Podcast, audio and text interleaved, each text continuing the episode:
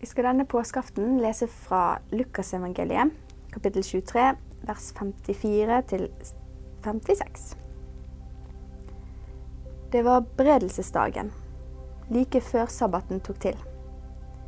Men de kvinnene som var kommet med ham fra Galilea, fulgte etter. De så graven og hvor hans legeme ble lagt. Så vendte de tilbake og gjorde i stand velluktende urter og salver. Og på sabbaten holdt de seg i ro etter lovens bud.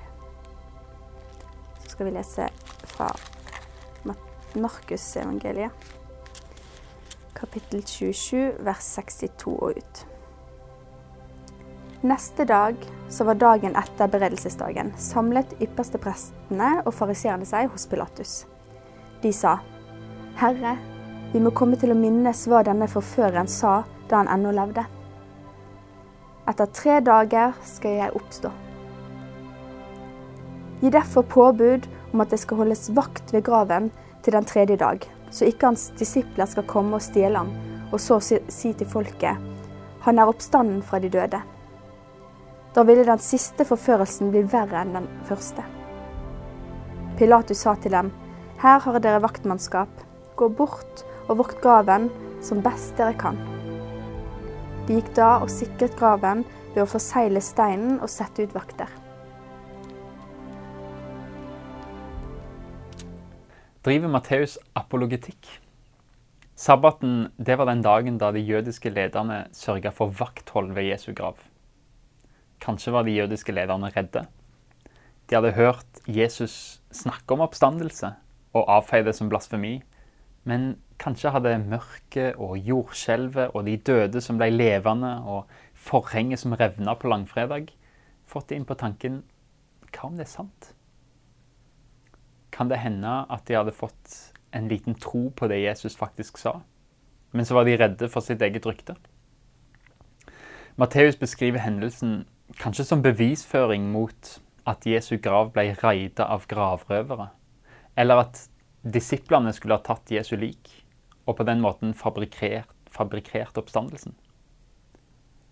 Med en vaktstyrke utenfor graven så ville det vært umulig. Den tomme grava må forklares på andre måter. Så Matteus beskriver altså detaljer som gjør oppstandelsen dagen etter enda mer troverdig. Denne dagen er det sabbat. Vi vet lite om denne dagen. Disiplene de er sannsynligvis gått i skjul for, i frykt for å bli grepet og gjennomgå samme behandling som Jesus. Men samtidig så står det at de ville holde seg i ro, slik som loven om sabbaten påla dem. Sjøl midt i alt som har skjedd med Jesus, så holder de sabbaten. Det er en dag da jødene markerte at Gud hvilte fordi han hadde fullført skapelsen. Og det er noe vakkert i dette. Disiplene hviler fordi Gud hviler etter ferdig arbeid. Det er fullbrakt. Og det hviler i de ordene, òg for oss.